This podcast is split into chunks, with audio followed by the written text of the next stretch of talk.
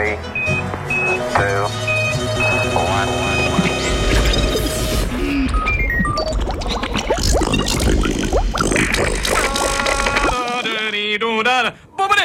Zapaj, zapaj, zapaj, zapaj, zapaj, zapaj.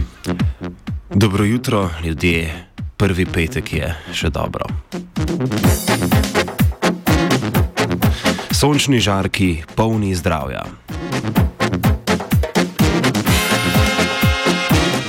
Schizofrenija je duševna motnja, ki najpogosteje prizadene mladostnike med 15 in 35 letom starosti.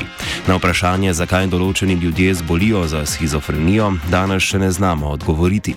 Znanstvenice in znanstveniki z Univerze v Queenslandu in Univerze v Orhusu so morda prišli do novega spoznanja na področju razvoja te duševne bolezni.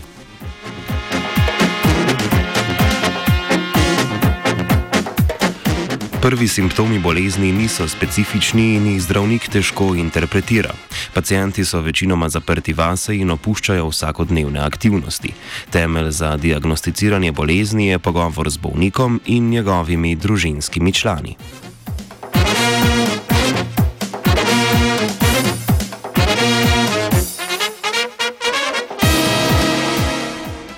Schizofrenija je kronična bolezen, kar pomeni, da je dolgotrajna. Poleg tega pa je tudi progresivna, torej se brez zdravljenja stanje bolnika slabša.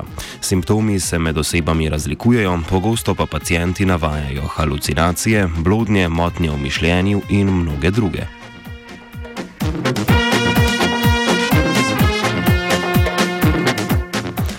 Avstralski in danski znanstveniki so raziskovali povezavo med pomankanjem vitamina D in verjetnostjo razvoja schizofrenije. Vitamin D je pomemben pri razvoju kosti in zob ter pri delovanju imunskega sistema. Ključen je pri absorpciji fosforja in kalcija, od ostalih vitaminov pa se razlikuje v tem, da ga lahko naše telo sintetizira. Reakcija izgradnje vitamina D delno poteka v koži, za potek, potek reakcije pa potrebujemo sončno svetlobo.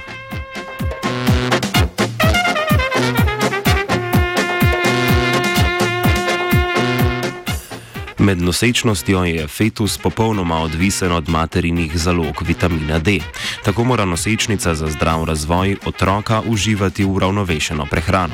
Ker pa lahko vitamin D sintetiziramo sami s pomočjo UV svetlobe, je priporočljivo, da so noseče matere dovolj izpostavljene soncu.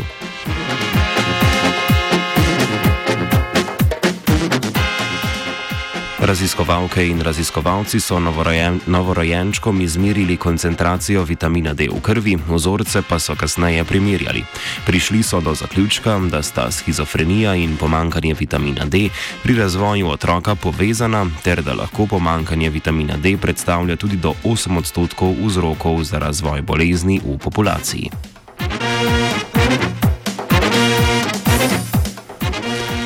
Zdravljenje schizofrenije temelji na zdravilih in psihosocialnih metodah. Za uspešno zdravljenje je ključnega pomena hitro odkritje bolezni. Nekateri bolniki lahko ozdravijo in nimajo težav pri vsakdanjih opravilih, drugi pa imajo lažje ali hujše posledice. Zato je opisana raziskava ključnega pomena pri preventivi oziroma zgodnjem odkrivanju bolezni.